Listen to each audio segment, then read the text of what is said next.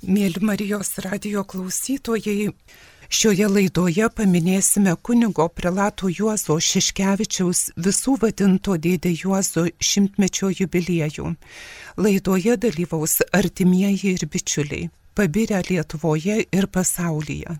Tai brolis Jonas Šeškevičius, kito brolio anūkas Tomas Šeškevičius, ateitininkai teisės daktarai Vaidotas Vaičiaitis ir Vygantas Malinauskas, Vytauto didžiojo universiteto išeivijos instituto istorikas Arūnas Antanaitis, o taip pat Brazilijoje gyvenantys artimi bičiuliai parapiečiai Marsijo Godoj ir Irenė Skurkevičius.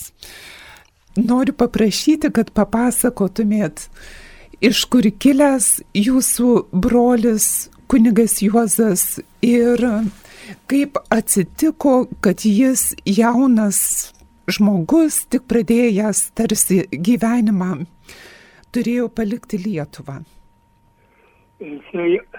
Mes gausi šeima, šešių vaikų šeima gyvenom iš mamos tėvų paveldėtam 14 hektarų ūkyje Višakio Rūdos kaime. Pradinį įsilavinimą įgyjom baigę Višakio Rūdos pradinę mokyklą. Vaikystė ir jaunystė prabėgo dirbant įvairius darbus tėvų ūkyje. Aktyviai dalyvaujant Višakio Rūdos parapijos, bažnyčios ir vaikų bei jaunimo veikloje. Ruošiant įvairius renginius, vakarėlius, vaidinimus, gegužynės. Man jauniausiam visi broliai buvo labai geri, o Juozas ypatingai geras, nes su juo daugiausiai teko bendrauti. Veždavosi į įvairius renginius, jeigu būdavo apsirėdęs kalėdų seniutė, o man nykštuko vaidmuo garantuotas. Ar, o per Velykas margučių ridentojų. Sulaukęs pilnametystės, Juozas išvažiavo gyventi į Kauną ir pradėjo dirbti įvairius darbus. Vakarais mokėsi, įsigijo maisto gamintojo specialybę ir vidurinį įsilavinimą. Artėjant frontui 44 metais Liepos mėnesį visa giminė susirinkom netoli Griškabodžio ir tarėmės, ką daryti. Aš su mama ir teta, su teto šeimyna grįžome į namus, o trys dėdės su šeimomis, brolis Kazimieras su šeima, brolis Saliamonas ir Juozas, dėjosi daiktus ir išvažiavo į nežinomą kelionę, tikėdamėsi pasiekti teritoriją, kurią užims amerikiečiai, nes jiem 40 metais kelis mėnesius Juozui jau teko paragauti sovietinio kalėjimo už dalyvavimą prie paminklo renginyje. Ir jau antrų kartų tokio malonumo nenorėjo turėti. Ir jiem pasisekė pasiekti tą teritoriją, kiek tai laiko gyveno ten pabėgėlių stovyklose, tikėdamiesi brolis Kazimieras, kad pasieks Ameriką, Juozas ar Vokietijo, ar Italijo galės susidaryti sąlygos mokytis, o brolis Selemonas grįžo į Lietuvą ir apie tai perdavė tik tokias žinutės. Ir po to, kai jau dėdė Juozas įsitvirtino Brazilijoje po savo šventimo, ar palaikėte ryšį, ar buvo galimybė? pirmieji ryšiai prasidėjo jau po Stalino mirties Hruščiovo laikais. Pradėjom gauti vieną kitą laiškutį ir paskui už kiek laiko, jau čia vėlesniais laikais ekskursiją jis pajėgė atvažiuoti į Lietuvą, pravažiuojančią ekskursiją per socialistinę šalis, per Lietuvą į Leningradą. Į čia kelias dienas mama ir aš galėjom pabendrauti. Dar galėjo pamatyti ir mamą gyvą. Taip, dar teko pamatyti mamą.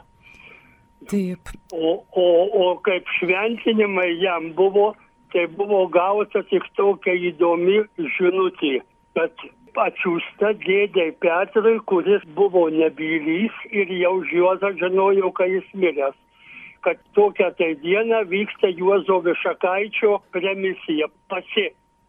Tai ar pasimelskite, ar, ar pavardė buvo, tai mes tik tiek žinojom, kai jau jis išventinama, supratom, kad čia Višakaitis, tai kitas negali būti kaip mūsų Juozas. Ir paskui, kai susitikom, patvirtinau, kad jie davė tokią žinutę.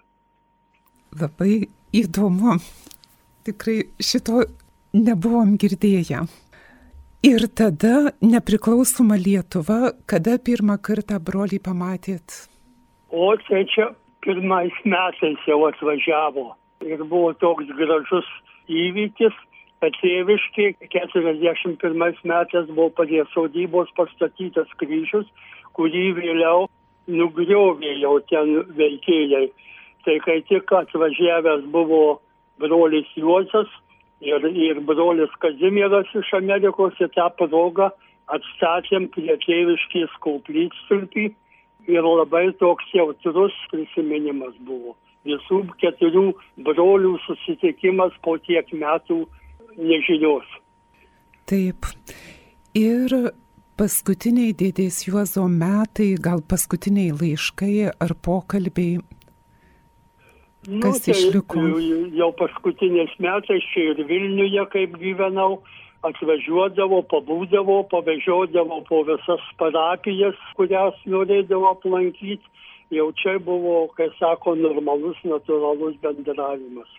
Ir kaip prisimenat savo brolį, jo gyvenimas, kaip jūs jį va taip apibūdintumėt? Nu, aš skaitau, kad jis labai turtingą gyvenimą pragyveno. Ir toje žinutėje, kur Saulaitis rašo, tai aprašytas visas jo darbas Brazilijoje ir tikrai jo darbai ten liko žinomi. Labai jum ačiū už pasidalyjimą. Mėly Marijos radio klausytojai, girdėjom kunigo Juozo Šeškevičiaus jauniausio brolio Jono Šeškevičiaus prisiminimus apie brolį, apie šeimą, apie kilmę. Ačiū Jums. Ir laidoje dalyvauja taip pat giminaitis kito dėdės Juozo brolio anūkas Tomas Šeškevičius. Tomai, kokie paties prisiminimai apie dėdę Juozą. Gerbėjas Kristai. Per amžius. Dėdė Jonas papasakojo, kaip atgiminėja, ne, kaip apie jaunystę dėdės Juozo, ką jie paskui žinojo, aš jau kaip vaikas pirmą kartą dėdė Juozą pamačiau, nežinau, apie 80 metus, man atrodo. Nu, kad buvau labai mažas ir, ir atsimenu senelis Saliamonas, dėdės Juozo brolis, jisai kaupdavo tos įrašus, reiškia, jie kalbėdavosi prie stalo, net buvo kasetės įrašytos, man atrodo, šią dieną jos kažkur dar yra ir vat, galima būtų pasiklausyti, ką jie kalbėjo. Ir nuo pat mažens pagaudavo tas dėdės Juozo toksai labai šiltumas. Mes buvome maži vaikai, bet jis rasdavo laiko, jisai kažkaip prakalbindavo kiekvieną ir, ir pajokindavo ir nusileisdavo iki to lygio. Ir kai jis jau buvo metus laiko gyveno Lietuvoje, man atrodo, 93-4 metais, Nu tai jau mūsų, reiškia, ten norim, nenorim, vežėsi su savim į ateitininkų stovyklas, dar Arvidas Žygas amžinatelsi buvo gyvas. Ir pirmą tą stovyklą aš atsimenu Ignalinoje, paskui sąskridis buvo iš, iš Žemaitijos, keliavom per visą Lietuvą traukiniais ten ir autobusais ir taip toliau ir pėstute. Aš tada pamačiau, nu, vad buvo dėdė Juozas, dėdė Juozas, ar ne šeimoje, vat, seneliukas, kuris važiuoja, fainas pabūti ir taip toliau. Bet aš pamačiau, kiek jisai reiškia, kiek žmonių jisai pažinojo, kiek žmonių jį pažinojo, kokią jisai pagarbą turėjo, kaip jisai buvo priimamas. Ir tada jau pradedi suprasti, kad kažkas giliau yra, ne?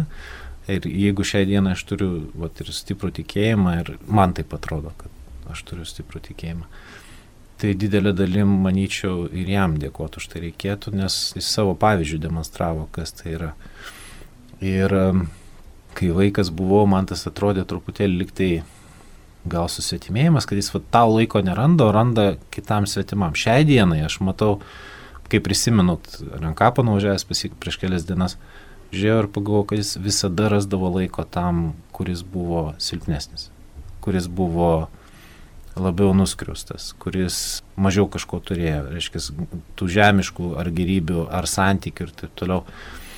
Jis pasirinkdavo tą silpnesnį, mes vartintume kaip silpnesnį, su juo bendraudavo, su juo būdavo ir jis pamatydavo visada ir tą vargšą, ir, ir našlaitį, ir našlę, ir va šiai dienai aš jau kaip brandus žmogus suprantu, kad jisai žmogus savo veikla, savo to, ką jisai darė, jisai demonstravo tą meilę artimui. Tai man tas šiai dienai yra įstrigę ir aš, aš visada ir po šiai dieną ant kapo nuošęsiu, pasisveikinu ir padėkoju už visas akimirkas, reiškia, jis visada rasdavo laiko pasišnekėti, pamokinti, pakalbėti nuo, nuo didelių dalykų iki pačių mažiausių. Tomai paminėjai, kad, na, turbūt tokį išskirtinį dėdės Juozo bruožą. Jautrumas silpniausiam ir vargstančiam. Ir žinau, kad iki šiandienos palaikai ryšį su Marsijo. Ir Taip. Ar galėtum papasakot, nes aš tik prisimenu 93-aisiais atvyksta dėdė Juozas ir atsiveža iš Brazilijos berniuką, kuris metus laiko gyvena Lietuvoje. Taip, atsiveža berniuką, kuris metus laiko gyvena Lietuvoje, kovo 11 gatvėje. Ir eina ne, į mokyklą. Eina į mokyklą, nemokėdamas ne vieno žodžio lietuviškai, didžiosios jį nuvežė į mokyklą, įtaisė ten tuo metu, pagal jo amžių gal ten 7 ar 8 klasę. Nu ir mes su to Marsijo irgi bendraudom, jisai lietuviškai mokėjo keli žodžius, nors jisai Brazilas, šiaip jo mama dirbo parapijoje Brazilijai, San Paulė. Ir po šiai dienai Marsijo, mes labai intensyviai bendravom tuo metu. Nu vaikai, ten skirtumas turbūt 3 metai tarp mūsų ir jis jaunesnis. Ir jis po šiai dienai mane pusbroliu vadina ir, ir visus mūsų pusbroliais ir save laiko tokiu vos nelietuviu, nes, nes jam be galo patiko. Ir, ir tais metais aš labai daug laiko praleisdavau su Didiozu, nes aš jam pavairuodavau, jis turėjo automobilį čia tiem metam laiko tokį žygulį reiškia. Ir, o man kaip 16 metų būdavo labai smagu kad duoda kažkas pavairuoti. Mes labai daug važiavome į ateitininkų stovyklas visokiausių susitikimų, žodžiu, taip turiu lankydavau juos kovo 11 gatvėje. Darė jis ir rekolekcijas giminiai, reiškia, pažaislio vienuolinė, nes jis, sakiau, dvasiškas tėvas ten buvo. Marsijo, jo, ir man teko didelę laimę sutikti Marsijo Brazilijoje prieš 16 metais, prieš 5 metus, nuvažiuoti tenai. Ir vėl aš pamačiau tą patį, reiškia, kaip, kaip dėdė Juozas traukė, kokį jisai žmonės, kokį jisai pėtsaką paliko. Mes buvom nuvažiavę, Marsijo mūsų buvo nuvežę su vietiniais ten lietuviais į Atibają, kur yra ta Lituanika garsioji, kur nupirkta žemė ir, reiškia, lietuviai turi sodybas. Lietuvių kaimas. Lietuvių kaimas su lietuviškais drožiniais, taip, ir su visu ko, ir su lietuviškais gatvių pavadinimais. tai buvo nuostabu. Tada pamatai dar, kiek tas tylus, nuolankus atrodo žmogus, nors jis mokėdavo ir charakterį turėjo, kiek žinau, stiprų ir, ir, ir pats stiprus buvo, bet kiek jisai padaręs. Ir Marsijos, su Marsijomis bendraujam šią dieną kartelį per mėnesį, per du kartus per mėnesį mes susirašom, susikalbom. Ja. Vienas nuostabiausių dalykų, kuriuos mes turbūt tiesiog daug įvykių, daug dėdės Juozo veiksmo pridengė tokį esminį faktą, apie kurį tik Marsijo ir kažkaip paryškino, na, pabrėžė, kad dėdė Juozas jam berniukui, kuris dar buvo mažutis, kai atėjo į parapiją, nes mama dirbo toj parapijoje ir jie atsivesdavo savo sūnų. Ir taip susidraugavo su dėdė Juozu, jis pradėjo vesti jį į ateitininkų susitikimus Brazilijoje jau San Paulo. Taip, tai tą darė su mumis Lietuvoje atvažiavęs, jis, reiškia, rasdavo kalbą su to mažiausiu ir, nu, su to mažutėlio, ne, ir bendrą kalbą ir toj pat sakytų, to dabar važiuojame į ateitininkų stovyklą, ne, aš, kai pirmą kartą važiavau į ateitininkų stovyklą, aš nežinojau, kas tai yra. Tai mes ten ir susipažinom. Taip, taip. ir susidraugavom. Nu va, o Maris jo lankė ir skautus, ir ateitininkus, ir chorą, viską, kas buvo įmanoma tam lietuviškam Lietuviška, kaime. Taip lankyti. Ir ne tik tam lietuviškam kaime, San Paulė viskas buvo, nes tam lietuviškam kaime ten vykdavo tie sustikimai, bet San Paulė pakankamai ten stipriai parapė ir Vila Zelinos tas rajonas ten yra, kur labai daug lietuvių gyveno savo, -hmm. savo metu darbininkų. Nu va, ir jie susidraugauja ir atrodo, kad Marcijui dėdė Juozas tampa beveik tikrai ir dvasios vadas, ir tėvas. Turbūt Taip. viename viskas telpa, ko reikia jaunam, brestančiam berniukui, kai reikia susigaudyti gyvenime. Ir ką Marcijus sako, dėdė Juozas taip pat dalinosi su juo savo skausmai savo svajonėm ir jisai sako, aš vieno dalyko, ko labai noriu, tai mano svajonė Lietuvoje taip pat padirbti kunigu iki savo mirties. Taip. Ir ta galimybė 93-4, kada jis metus laiko prabūna mhm. ir tuo pačiu pasiūlo Marsijui atvažiuoti į Lietuvą ir jisai dėkingas, sako, aš tada 15 metų, dabar 43 ir esu beveik lietuvis. Tiesa, ir va, Didė Jonas, kur prieš tai kalbėjo, jis nepaminėjo, nes iš konteksto neišėjo, aš puikiai atsimenu, kad tada įvyko tikrosios dėdės Jozo primicijos Višakio rudoje. Tai yra pirmosios mišios, kurias kunigas laikė savo tėviškiai. 90 turbūt treti metai. Mm -hmm. Ir man atrodo, mes ten visi buvom. Taip, taip. Klebonijoje buvo pakvietė ir, ir, ir didelis pasibuvimas po to ir, ir, ir labai buvo daug giminės iš, iš svečių, nu, kaip priklauso per primiciją. -hmm. Tai, Tomai, o paskutiniai tavo susitikimai su dėdė Juozu? Paskutinis susitikimas turbūt buvo tada, kai jisai buvo paskutinį kartą čia atvažiavęs. Jau jisai buvo ganėtinai silpnos veikatos ir prastai matė. 2000-ieji ar vėliau? Uh, man rodos truputėlį vėliau. Jisai mirė 2008 berots, tarp 2000 ir 2008 reikėtų patikslinti. Mhm ir tada irgi Lietuvoje buvo, lankė, visus susitikinėjo su, ir su, nu, su giminėm, ir, ir su, su žmonėm, mhm. kurie jam buvo svarbus arba įdomus. Tada jau buvo, aš jau tuo metu šeimą turėjau, buvau vedęs ir, ir man rodos, gal ir dukra jau buvo gimus, tai ko gero po 2001 metų. Tai jis toks buvo, nu, fragmentinis tas susitikimas. Mes neturėjom tiek laiko, kad vat, pasidėti ir pasikalbėti. Buvo gera pamatyti, gera apsikabinti ir visada jis ten Vilnių man už kažką davė ir, ir nu, gerąją prasme, nu, ta prasme, jis visada tas betarpiškas buvo toks bendravimas. Ir po to jau jo, dar tėtis mano su mama įlankė Brazilijoje, buvo nuvažiavęs skirtingais laikais ir dar, dar mhm. sugebėjo pamatyti jį tenai. Aš pamenu paskutinį kartą tai buvo primicijos ar šventimai viskopo kestučio ir Arvido mm. žygo katedroje. Taip. Birželio 28, man atrodo. Taip, viskas Kestutis dar, kai aš buvau ateitininkų stovyklo, buvo seminaristas per. Mhm. Taip. Ir tie 93-ieji buvo jo kaip tik pradžia. Taip, taip, taip. taip. Tai vad, tokie prisiminimai apie dėdę Juozą dar išklausysim ir kitų radio laidos dalyvių. Ačiū, mielas Tomai, ir kokią žinę labiausiai nešioji savo gyvenime iš dėdės Juozo? Čia atsisveikinimui. O, tai bus netikėtas klausimas. Turbūt tai, ką minėjau, kad taip, jis, jis, jis liudijo savo veiksmais. Taip kaip mums sakoma, neužtenka vaiką auklėjant jam sakyti, tai nieko nereiškia, vaikas žiūri, ką tu darai. Tai jisai ir kalbėjo, ir darė, tai sutapo, ką jisai kalbėjo ir ką jisai darė. Ir ta vat pastebėti artimą, kad jo nereikia ieškoti kažkur toli, kad jisai yra visai šalia, kad tu nuskriaustų žmonių empatiją tą didžiulį, pamatyti, suprasti kito ir širdgėlą ir galbūt sudėtingą gyvenimą ir e, suteikti jam nebūtinai materialinę pagalbą, bet pabūti, pasikalbėti, skirti laiko. Tai va tie dalykai, kurių aš manau, kad aš mačiau jame, kaip tą reikia daryti. Ta yra, šiai dienai galiu pasakyti, tą yra labai sunku daryti. Yra žymiai lengviau paduoti 5 eurus vargstančiam, negu skirti 10 minučių. Tas ir yra tikra meilė. Meilė ir tada jis visada buvo, aš jo nemačiau niekada liūdno. Jis visada buvo linksmas, o tas iš Dievo ateinantis linksmumas, ne, o tas tikras krikščioniškas linksmumas iš, iš Dievo koja. meilės. Taip, trepko, ar koja, ar ne koja, bet jis visada buvo linksmas, jis visada buvo nuotaikoje nebejoju, situacijų buvo visokių ir žmonės sako, kad yra matę tų situacijų. Didumą laiko jisai buvo toks ir tai nebuvo šau, tai nebuvo netikra, tai visada buvo labai tikra. Kaip jį visi mylėjo ir už jo tą paprastumą, tiesumą, už gerumą, pritapimą, už supratimą. Ir kokius didelius darbus jisai padarė. Tyliai, ramiai, kantriai, sunkiai dirbdamas.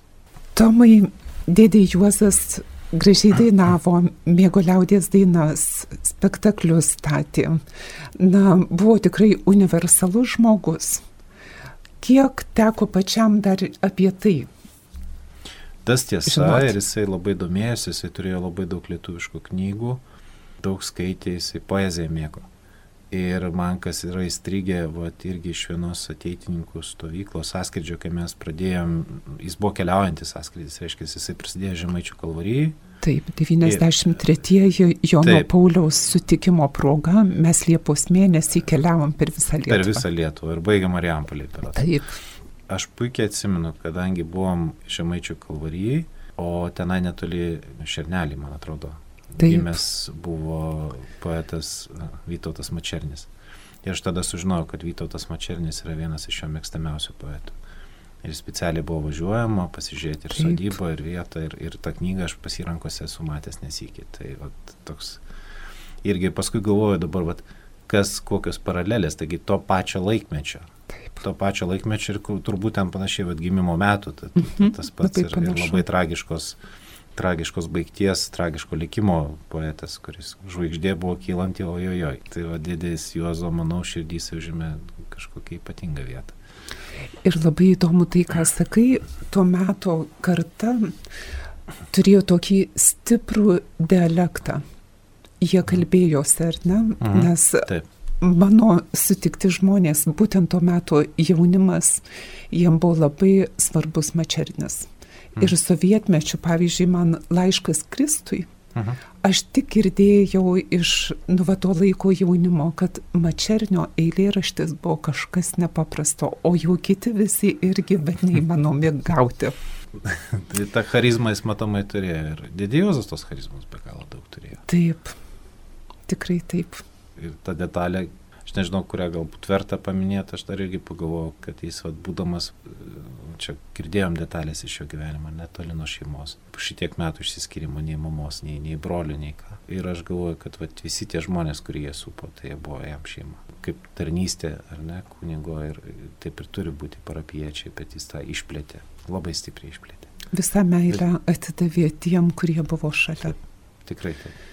Ir galima irgi sakyti, kad tai, ką jis patyrė iš savo šeimos. Ir kai neteko šeimos, tada dalino visų pajėgumų tiem, kurie buvo aplinkojo. Tikrai taip. Tai aš manau, čia ir tas ir pašaukimas be jokios abejonės. Dievo meilė, Dievas veikia per žmonės. Taip, ir kaip svarbi yra šeima. Tai, kas vaikam įdėta, jie gali nešti ir dalinti kitiem. Tikrai taip. Ir teikti laimę. Ačiū, Tomai. Dėkui Jums sudė. Tai, mielas Vaido, tai norėčiau tavęs paklausti, kokie paties yra prisiminimai apie kunigą Juozą Šiškevičių, mūsų visų vadintą dėdę Juozą. kai aš apie dėdę Juozą pagalvoju, dar po to provizoriškai mačiau, bet toliau, sakykime, pusdienio su juo praleisti net nebeturėjau galimybės, aš labai prisimenu jį šiltai. Tiesiog kaip paprastas žmogus, kuris tokiu paprastumu liudyja Kristų. Žinojau, kad tai nėra paprastas žmogus. Iš tikrųjų, tas paprastumas kunigo Juozo, jisai, kodėl mane taip nustebino, todėl kad aš apie jį buvau girdėjęs ir jau buvau skaitęs, kad jisai būdamas gyvendamas Brazilijoje, šiaip nebuvo toks paprastas, jisai tikrai buvo labai prisidėjo ir prie lietuvybės, ir prie tikėjimo išlaikymo, katalikų bažnyčios kronikoje apie jį buvo rašoma, aš visą tai buvau jau žinojęs apie jį. Ir todėl mane labai nustebino jo tas toksai paprastumas ir nuoširdumas santykiuose. Visiškai negalėjai įsivaizduoti, kad aš galiu taip paprastai prieiti prie to žmogaus, su juo bendrauti, kalbėti ir tiesiog va taip gerti kavą.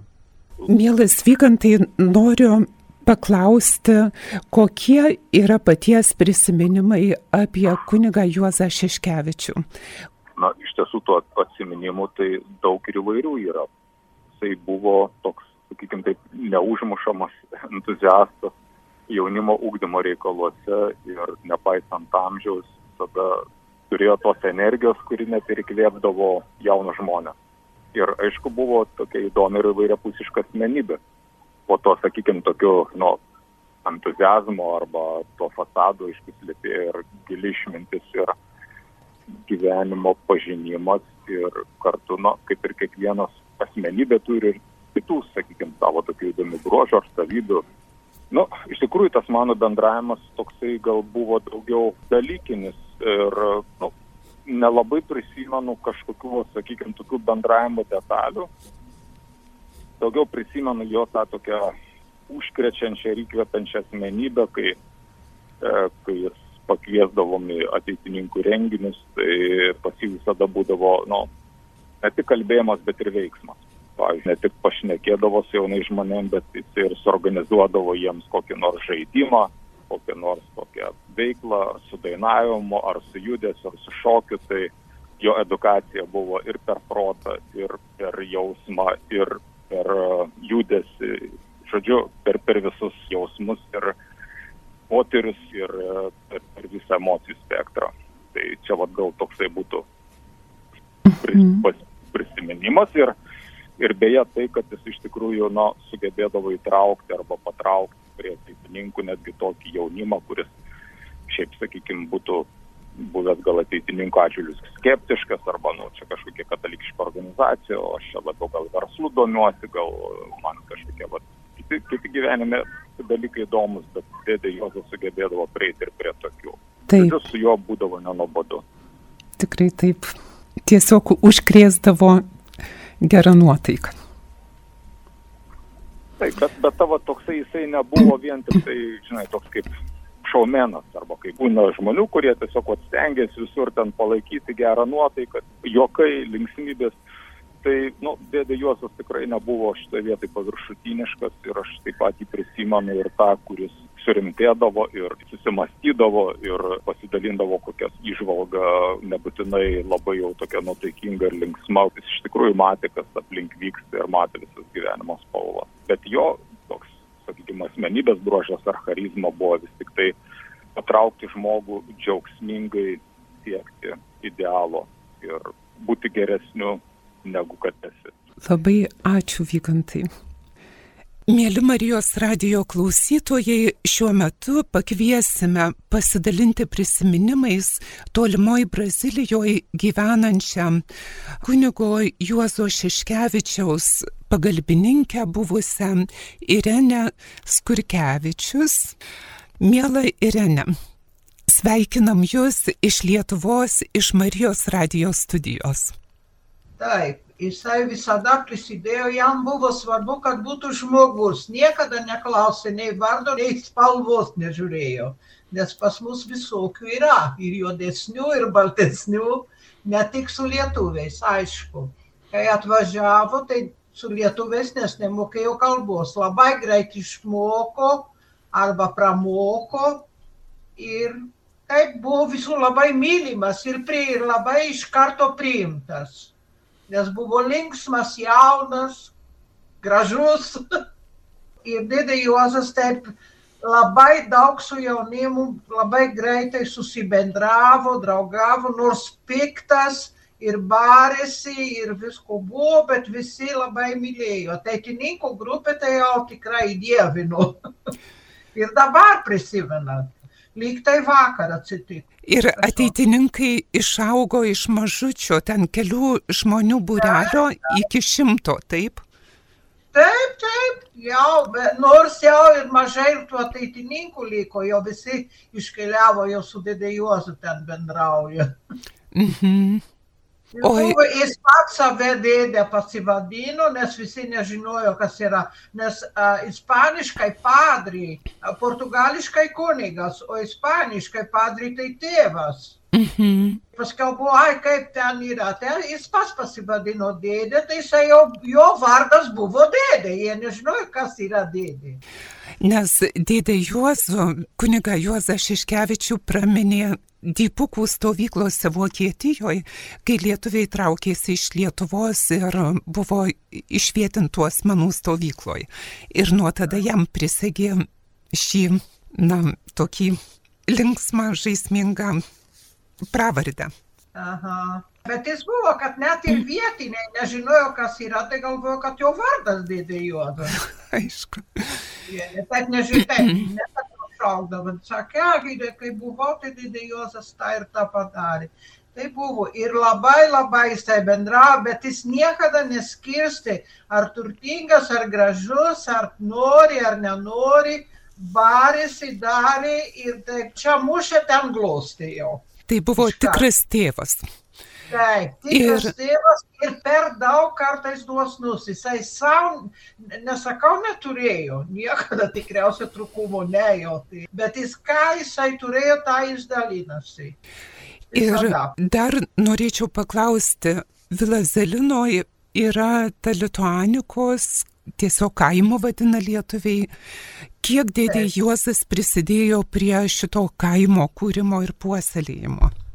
Dėdė Juozas rado, nežinau kokiu būdu, tą tai tikrai nežinau, tas žemė, bet ten toli nuo San Paulių, kur mes gyvenam. Aš net, aš tik du kartus buvau ten nuvažiavau. Mm -hmm. Jis ten nuėjo ir pradėjo daryti ir dėdė Juozas, bet prieš tai jisai ir parapijoje labai daug ir bažnyčios darbams, ir labai reikalinga ir naudinga ir šiai po šiai dienai, nors mažai kas prisimena aklųjų prieglaudoj. Aš nežinau, jam labai gaila buvo ir ten buvo toks, nu, blusų žydinys. Kai nuėjo, tai net visi, visi įsigazdavo ir neįdavo, nes labai bijojo.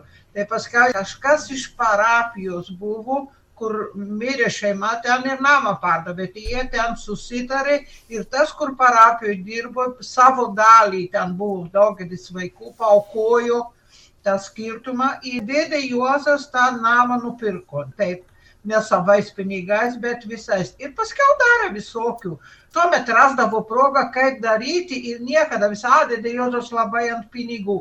Visai ne, dėdė Juozas neturėjo pinigų savo, savo. Jam ne, kad jam buvo trūkumas, bet jis visuomet turėjo ir ką jis galėjo, tam jisai padėjo. Ir niekada nežiūrėjo nei tikėjimo, nei spalvos, nei ar ten lietuvis, ar ne rusas, ar prūsas, jam žmonė, turėjo būti žmogus. Tai. Ačiū Jums ir atsisveikinam apie kunigą Juozą Šiškevičių prisiminimais dalinsis tolimoje Brazilijoje gyvenantis Marsijo Godoj, kuris gyveno metus laiko Lietuvoje ir štai dabar paklausim jį, kuo, ką prisimena apie dėdę Juozą. Dėdė Juozas mane išmokė daug apie gyvenimą, mandagumo, padėjo man studijuose, jis mane susipažintino su Lietuva su Lietuvos kultūra valgęs, jis mane išmokė pamil, pamilti Lietuvą. Viena metus į Lietuvą važiavome kartu. Mes keliavome po visą Lietuvą, vis geriau jai pažindami. Lietuvoje susipažinau su Dėdėjozas šeima ir jo draugais. Ir dabar su jiems palaikiau ryšį. Lietuvoje Lietuvoje lankiau Kauno penktoje mokykla. Tai buvo mano geriausios gyvenimus dienos. Esu dėkingas dėdė Jozai, kad jis susipažintino mane su savo Lietuva. Ačiū. Savo prisiminimais apie dėdės Juozo metus praleistus Lietuvoje pasidalins Vytauto didžiojo universiteto Lietuvių išeivijos instituto istorikas Arūnas Antanaitis. Mielas Arūnai, noriu paklausti, kokie buvo paties prisiminimai apie dėdę Juozą? Labą dieną. Aš tuo metu buvau visai vaikas dar, e, jau pakeliui link paauglystės, turbūt gal kokie 12-13 metų, nedaugiau. Ir Petrašiūnų bažnyčioje patarnavau. Na, keitėsi kunigai ir atvažiavo kažkoks keistas, nematytas, visiškai kitoksai kunigas, kokio akis nebuvo regėję, visapusiškai kitoks. Stebino labai daug dalykų, stebino jo bendravimas, betarpiškas bendravimas, jis tiesiog šokiruojantis, Tai nereiškia, kad prieš tai matyti kunigai buvo kažkokie labai atšiaurus, jokių būdų, bet e, šitas naujasis kunigas, tiesą pasakius, mes jo ir vardo nelabai žinojom, jis mums aišku prisistatė, bet ne tas mums rūpėjo, mes žinojom tik tai tokį egzotišką faktą, kad jis yra iš Brazilijos ir aišku, jam taip pat prilipo pravardė Brazilas, draugiška pravardė, tai skambėjo kaip didelis pliusas, kiekvienas iš mūsų būtų norėjęs būti Brazilu, ypatingai ir dėl to, kad mėgom žaisti futbolą. Tai Supraskite, tai didelis įvertinimas. Taigi Brazilas bendravo kitaip, ar ne, buvo visiškai kitoksai, betarpiškas, įdomus dalykas, kuris man labai užstrigo, įsivaizduokite, tai yra gilus po sovietmetis, kunigas Juozas, jis labai, na, silpnai matė ir turėjo storiausius pasaulyje akinius ir dar skaitydavo Evangeliją su lupa tas mus taip pat labai šokiravo, kaip žmogus, kuris va štai, kad ir su tokiom negaliom jisai gyvena puikiausią gyvenimą ir yra, na, pavyzdys mums visiems, tai tas taip pat labai buvo paveiku. Na ir vieną dalyką dar labai trumpai norėčiau pasakyti, kad mums kaip patarnautojams iki atvažiuojant kunigui Juozui buvo, na, tokia labai, sakyčiau, šauni draugų kompanija, buvo smagu susitikti, smagu eiti. Mes ten prisigalvodavom visokiausių, visokiausių dalykų, kokie, nežinau, kiek ten mūsų buvo, gal keturi, septyni, aštuoni maždaug toksai standartinis mišių patarnautojų, e, standartinė tokia komanda, bet kai atvažiavo dėdė Juozas, tai prasidėjo keisti dalykai, kurie tuo metu man nelabai net ir patiko. Į bažnyčią patarnauti pradėjo eiti aplinkiniai, E, rajono berniokai, į, į kuriuos mes žiūrėjome gana kreivai, ko jie čia dabar iš vis ateina ir greuna mūsų susikurtą tokią jaukę atmosferą, ko jie iš vis čia dabar nori. Mes čia taip gerai gyvename, o štai atėjo dėdė Juozas, prisikvietė jų ir jie dabar pradėjo čia vaikščioti ištisai ir vakarais. Ir tas patarnautojų būrys iš tokios tikrai jaukios e, kompanijos prasiplėtė iki didžiulės ir vaikėzai, na, aš juos pažinojau, tos berniokus, vyresni, jaunesni, mes ėjom kartu į mokyklą, tikrai ne iš šventųjų tarpo, mes ir patys tokie nebuvom, bet e, buvom tokie, na, užtikrinti, užtikrinti katalikai, turbūt taip reiktų sakyti. Daug ėjom į bažnyčią, e, anksčiau ėjom tada ir, ir paskui nenustojom vaikščioti, o čia buvo kompanija, kuri turbūt pirmą kartą atėjo į mišes, kurie pirmą kartą atėjo į šventorių Ir tuo metu man tai atrodė, kad o, tai nėra taip labai smagu. Iš šios dienos perspektyvos, žiūrint iš suaugusio žmogaus, tai uh, dėdės Juozo ateimas labai smarkiai sukrėtė parapiją gerąją prasme. Pamokslų jo daug neprisimenu, bet gal vieną epizodą, tik ne, neskurdom, uh, turbūt visi galėjom pavalgyti tuo laikotarpiu, nors gyvenome gana kukliai tuo laiku, kaip sakau, posovietmetis, bet e, dėdė Juozas nuolatos kalbėjo apie tai, kad mes labai gerai gyvename. Mes nealkstame, mes nebadaujame, mes turime ko valgyti, esame apsirengę šiltai. Ir tai irgi truputėlį na, plėtė mūsų tokį akiratį, įsivaizduojant, kad štai mes esame galbūt patys vargšiausi, čia reiškia tokiai vargšiškai Lietuvoje, greta turtingos Vokietijos ar kitų šalių. Jokių būdų dėdė Juozas kalbėjo apie tai, kad uh, esame laimingi, esame pavalgę, užtenka mums patiems tik tai keistis ir neieškoti kažkokio ekonominio gerbuvio. Ir žiūrint jau iš istoriko perspektyvos, tai dėdė Juozas savo veiksmais įrodinėjo, jisai iš tikrųjų taip kaip kalbėjo, taip ir gyveno. Tas aišku buvo labai paveiku. Sakyčiau, bendrai gal jau giliai žiūrint, tai gal dėdės Juozo buvimas kažkaip kūrė tokį mitinį lietuvių išeivių vaizdinį, kuris gal paskui studijų metais mane ir patraukė studijuoti išeivijos istoriją. Labai ačiū Arūnai už tokį jautrų ir jauno berniuko prisiminimus ir tą vaizdą, kurį atkūrėjai, koks dėdė Juozas buvo ir tuo pačiu su perspektyva, ką reiškia mum. Iš tikrųjų jis matė tą tikrą gyvenimą ir padėjo Taip. mums nedėjuoti, o susivokti, kad ne viskas pas mus blogai. Daug dalykų yra gerai, tik reikia keisti mąstymą ir požiūrį į gyvenimą. Mėly Marijos radio klausytojai, štai girdėjote istoriko Lietuvių išeivijos instituto darbuotojo Arūno Antanaičio prisiminimus ir išvalgas, kuo svarbus ir tuo met ir šiandieną liko dėdė Juozas tiek katalikų bažnyčiai Lietuvoje, mūsų visuomeniai, netgi mokslui. Ačiū Arūnai. O dabar, mėly Marijos radio klausytojai, štai išklausėme prisiminimus žmonių, kurie prisilietė arba prie kurių gyvenimų prisilietė dėdė Juozas, kunigas Juozas Šeškevičius.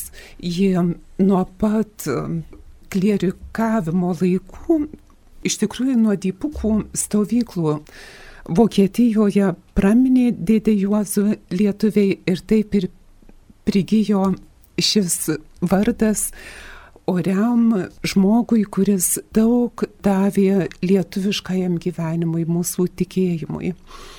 Ir baigiam Marijos radio laidą apie dėdę Juozą ir tuo pačiu galim suprasti, kad Dievą mylintiems viskas išeina į gerą. Ir galim žiūrėti į dėdės Juozo gyvenimą, taip kaip pasakojo brolis, giminaičiai ir ateitininkai, kad galėjo skūstis jaunas, pabuvojo sovietų kalėjime buvo išstumtas iš Lietuvos, nes turbūt kitas pasirinkimas buvo arba kulka į kaktą, arba Sibiras. Ir jis traukėsi į vakarus ir vietoj to, kad verktų, dėjuotų, kad mažai turi arba kad prarado tiek daug ir tėvus vis tiek, na, žaismingai siunčia žinę į Lietuvą, palaiko kontaktą, o pats atsiduoda visa širdimi, kuo labai nustebina kitus. Ir mes čia Lietuvoje net nežinojom, kad jis prelatas, jam tas taip nerūpėjo, jis tik pilno džiaugsmo apkabino kiekvieną žmogų džiaugsmu ir dėmesiu ir atrodė, kad nei jis serga, nei jis kokių sunkumų turi, visada linksmas, bet turėjo suvalkietišką principingumą ir man atrodo, tas irgi buvo labai tvirtai ir aiškiai išreikšta. Ir tą taip pat tie, kurie artimiausi bendražygiai buvo labai patyrę. Dėdė Juozas tarsi ištirpo kaip druska davė savo skonį, paliko darbus, paliko atsiminimą ir Brazilijos lietuviai ir ne tik lietuviai, vad kaip Marciaus kitų braziliečių pavyzdys, atsiminimai sako, kad maitino dėdė Juozas ir Jėzaus žinia, ir gerumu, ir savo jautrumu. Ačiū Jums ir turbūt pasilinkim vieni kitiems tokio gerumo ir pasitikėjimo Dievo apvaizdą. Jeigu Dievą mylim, viskas išeina į gerą. Ačiū Jum ir primenu, kad šioje laidoje dalyvavo Jonas Šeškevičius, dėdės Juozo brolis, Tomas Šeškevičius, kito brolio anūkas, ateitininkai Vaidotas Vaičiaitis, Vygantas Malinauskas, taip pat Arūnas Antanaitis. Ačiū Jums ir iki kitų kartų laidą vedžiau aš, sesuo Daiva Kuzmitskaitė, su Dievu.